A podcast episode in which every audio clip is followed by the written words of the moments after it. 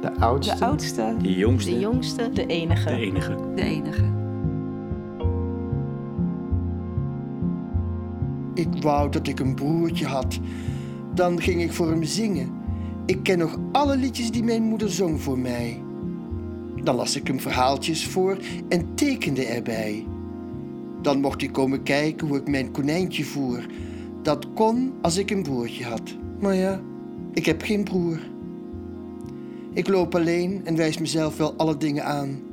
En ik zing voor me uit, dat heb ik altijd al gedaan. Maar als ik wel een broertje had, dan gaf ik hem een kus, omdat ik heel veel van hem hield. Maar ja, dat kan niet dus.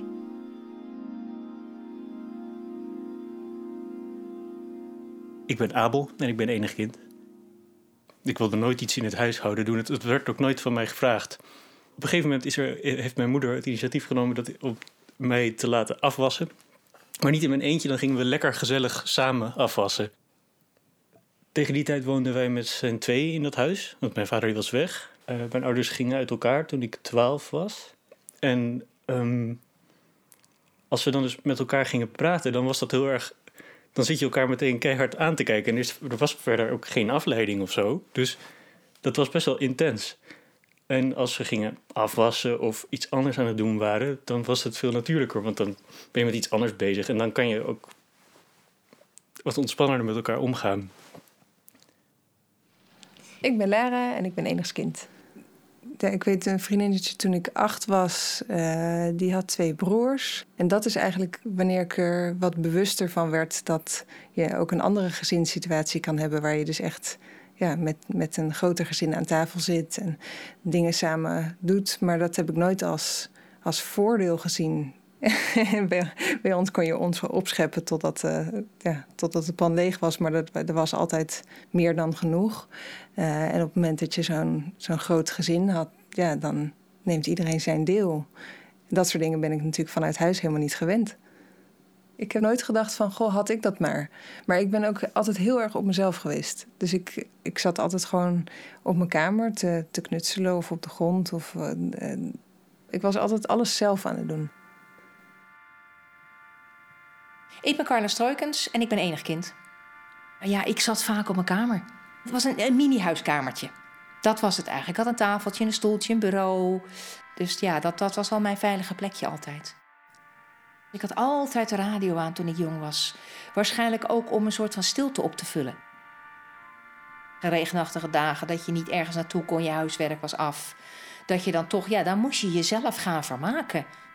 En dat je dan op dat moment niemand hebt, ja, dat, dat realiseer je heel goed. En dat is natuurlijk niet altijd even leuk. Ik had natuurlijk een eigen kamer, want ja, wie anders had daar moeten wonen. Maar het was juist als we samen zijn, dan is het nooit, nooit een beetje. Dan is het altijd meteen. Uh, uh, ja, en hoe gaat het met het leven en wat is er belangrijk? En uh, ja, dan is het altijd meteen: ik hou van je en, en niet hoi. wat heel fijn en heel bijzonder is, maar best wel heftig. Het was heel snel te dichtbij. Ik kan niet heel goed delen, of ik, en niet alleen in spullen, maar ook in, in gedachten. Ik hou niet heel erg veel van discussies, want ik ben een beetje overtuigd van mijn eigen idee soms. Ik heb het liefst dat ik zelf iets op een rijtje al zet en dan, denk ik, oh, zo wil ik het graag doen. En dan hoop ik dat iemand daar gewoon in meegaat. Eigenlijk ben ik een, een hele vervelende partner, als ik het zo zeg. Mijn ouders waren zelfstandigen. Die hadden een ouderwetse drogisterij parfumerie.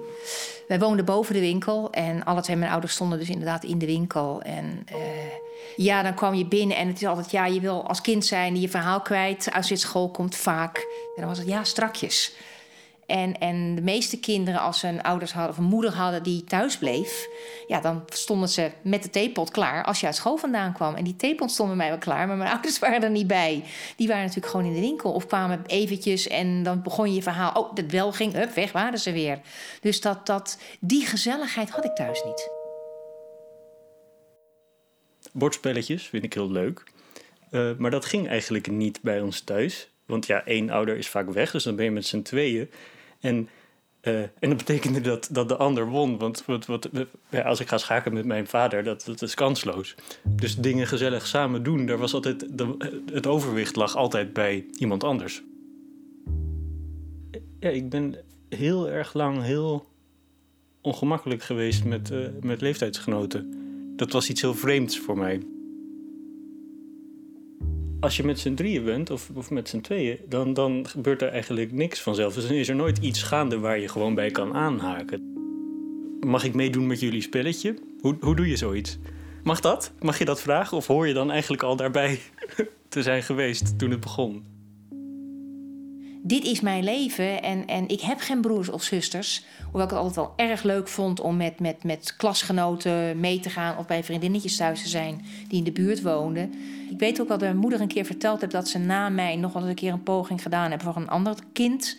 Dat is toen een miskraam geworden en daarna, zover ik weet, wat ik begrepen heb, waarschijnlijk ook omdat het te druk was in de winkel, dat er eigenlijk toch niet voldoende tijd was om nog een tweede kind erbij te nemen. Dus zij hebben toen de beslissing genomen om dat niet meer te doen. En daar is het verder bij gebleven. Ik heb geloof ik ook nooit verder doorgevraagd. Ik denk dat mijn ouders meer kinderen hadden gewild. Uh, daar hebben we het wel eens over gehad. En uh, ja, nou ja, er waren wel veel, veel verwachtingen. Ik moest wel heel intelligent zijn en ook wel heel muzikaal. En het moest dan ook, het moest wel allemaal tegelijk. Ik moest wel een veelzijdig persoon zijn, want dat kon, dat, dat, ja, dat, in die zin moest dat allemaal bij mij.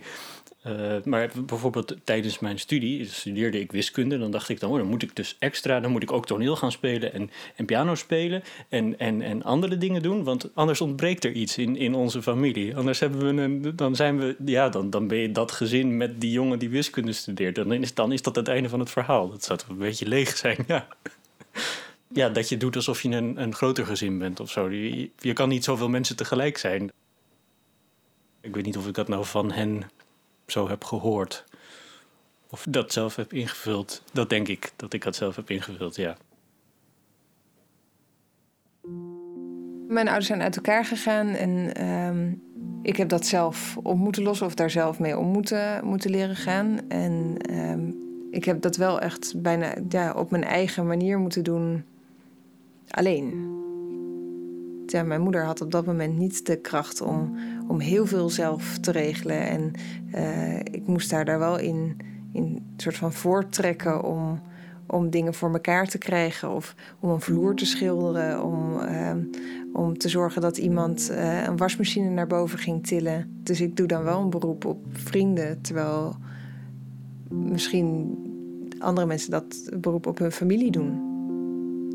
Dus in die zin heb, je, heb ik veel meer af en toe mijn vrienden nodig. En uh, zelfs vreemden. Je hangt niet om een vage vriend opeens huilend in de kroeg uh, om een schouder heen.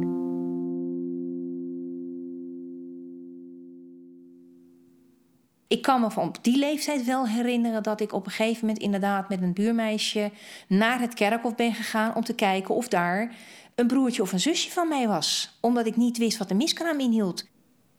Ik dacht dat dat een broertje of zusje was wat vrij snel overleden was. Dus dat er iets, iets, iets was. Je kan op die naam natuurlijk op die grafstenen lezen en dan zoek je naar je eigen achternaam, want dat is het natuurlijk waar je naar zoekt. En die kon ik niet vinden. Ik, ik, denk toch wel dat er een bepaalde teleurstelling was. Want je zoekt, je zoekt een bepaalde bevestiging. Je zoekt iets, iets tastbaars. En dat was er niet dat tastbare bewijs dat ik een broertje of zusje heb gehad. En daar misschien over kon praten met, met, met vriendjes en vriendinnetjes. Ik heb er ook één gehad. Ik ben er ook nooit meer op doorgegaan. Het was, het was een feit. Ik, ik, ik ben alleen. Klaar. Tijdens mijn zwangerschap had ik wel heel bewust het idee van... oké, misschien is dit wel de laatste keer dat ik dit... of de enige keer dat ik dit, zo meemaak. Maar ik denk ook wel dat het komt omdat het voor mij eh, zo niet vanzelfsprekend iets is om nog een kind te willen. Ik heb daar totaal geen idee bij hoe je, hoe je die liefde zou moeten verdelen. Of um, hoe, dan, hoe deel je dan zo'n kamertje? En vindt zij dat dan niet vervelend dat er dan iemand anders met haar spulletjes gaat spelen? En, want zo zou ik dat zelf ervaren. Ik word vader over een paar weken al. En dat is heel erg spannend en heel bijzonder en heel leuk. Ik krijg een zoon. Uh, dus ik ben heel erg bezig met hoe dat allemaal moet. Ik zou het heel fijn vinden als hij opgroeit in een omgeving die, die warm is, waar mensen zijn, waar, waar dingen gebeuren, waar levendigheid is. En uh, ik weet niet zo goed hoe dat moet. Dus daar ben ik veel over aan het, aan het nadenken of gewoon mee bezig. Ik zou wel heel graag meer dan één kind krijgen. Ja, samen bordspelletjes doen, samen muziek maken, ongedwongen. Uh, samen zijn dat er reuring is, in tegenstelling tot, tot in mijn eigen jeugd. Ik weet dat het voor heel veel mensen heel normaal is dat je, dat je meer kinderen krijgt. En dat het bijna dat het bijna negatief is als je zegt: Ik wil er maar één. Um, dat mensen misschien denken dat het een beetje egoïstisch is om maar één kind te willen. Ehm, maar ik heb het idee dat ik dat heel erg zou moeten verdedigen. Als jij kinderen krijgt, dus ik als enigs kind, heeft hij van jouw kant geen ooms en tantes. Daar had ik nooit over nagedacht. Um, want ik heb uh, neefjes, nichtjes, ooms, tantes. Want dat breidt zich natuurlijk uit. Dat heeft zij, uh, Ronja heeft van mijn kant gewoon opa en oma. En verder houdt die de directe familie op. En je maakt er meer familie mee voor haar, voor later. Kijk, nu heb ik, een, heb, ik een, eh, heb ik een verantwoordelijkheid om heel veel te zijn voor iemand. En toen dacht ik alleen dat dat gewoon de bedoeling was. Maar om je ouders tevreden te stellen of, of trots te maken natuurlijk. Ja. Sterker nog, dat is misschien de enige verantwoordelijkheid die je hebt als kind. Ja. En nu andersom heb ik diezelfde verantwoordelijkheid tegenover mijn kind. Er zijn zoveel dingen die ik zou willen zijn voor mijn zoon, dat ik denk dat dat sowieso, dat ik in ieder geval aan mijn eigen standaard niet ga voldoen.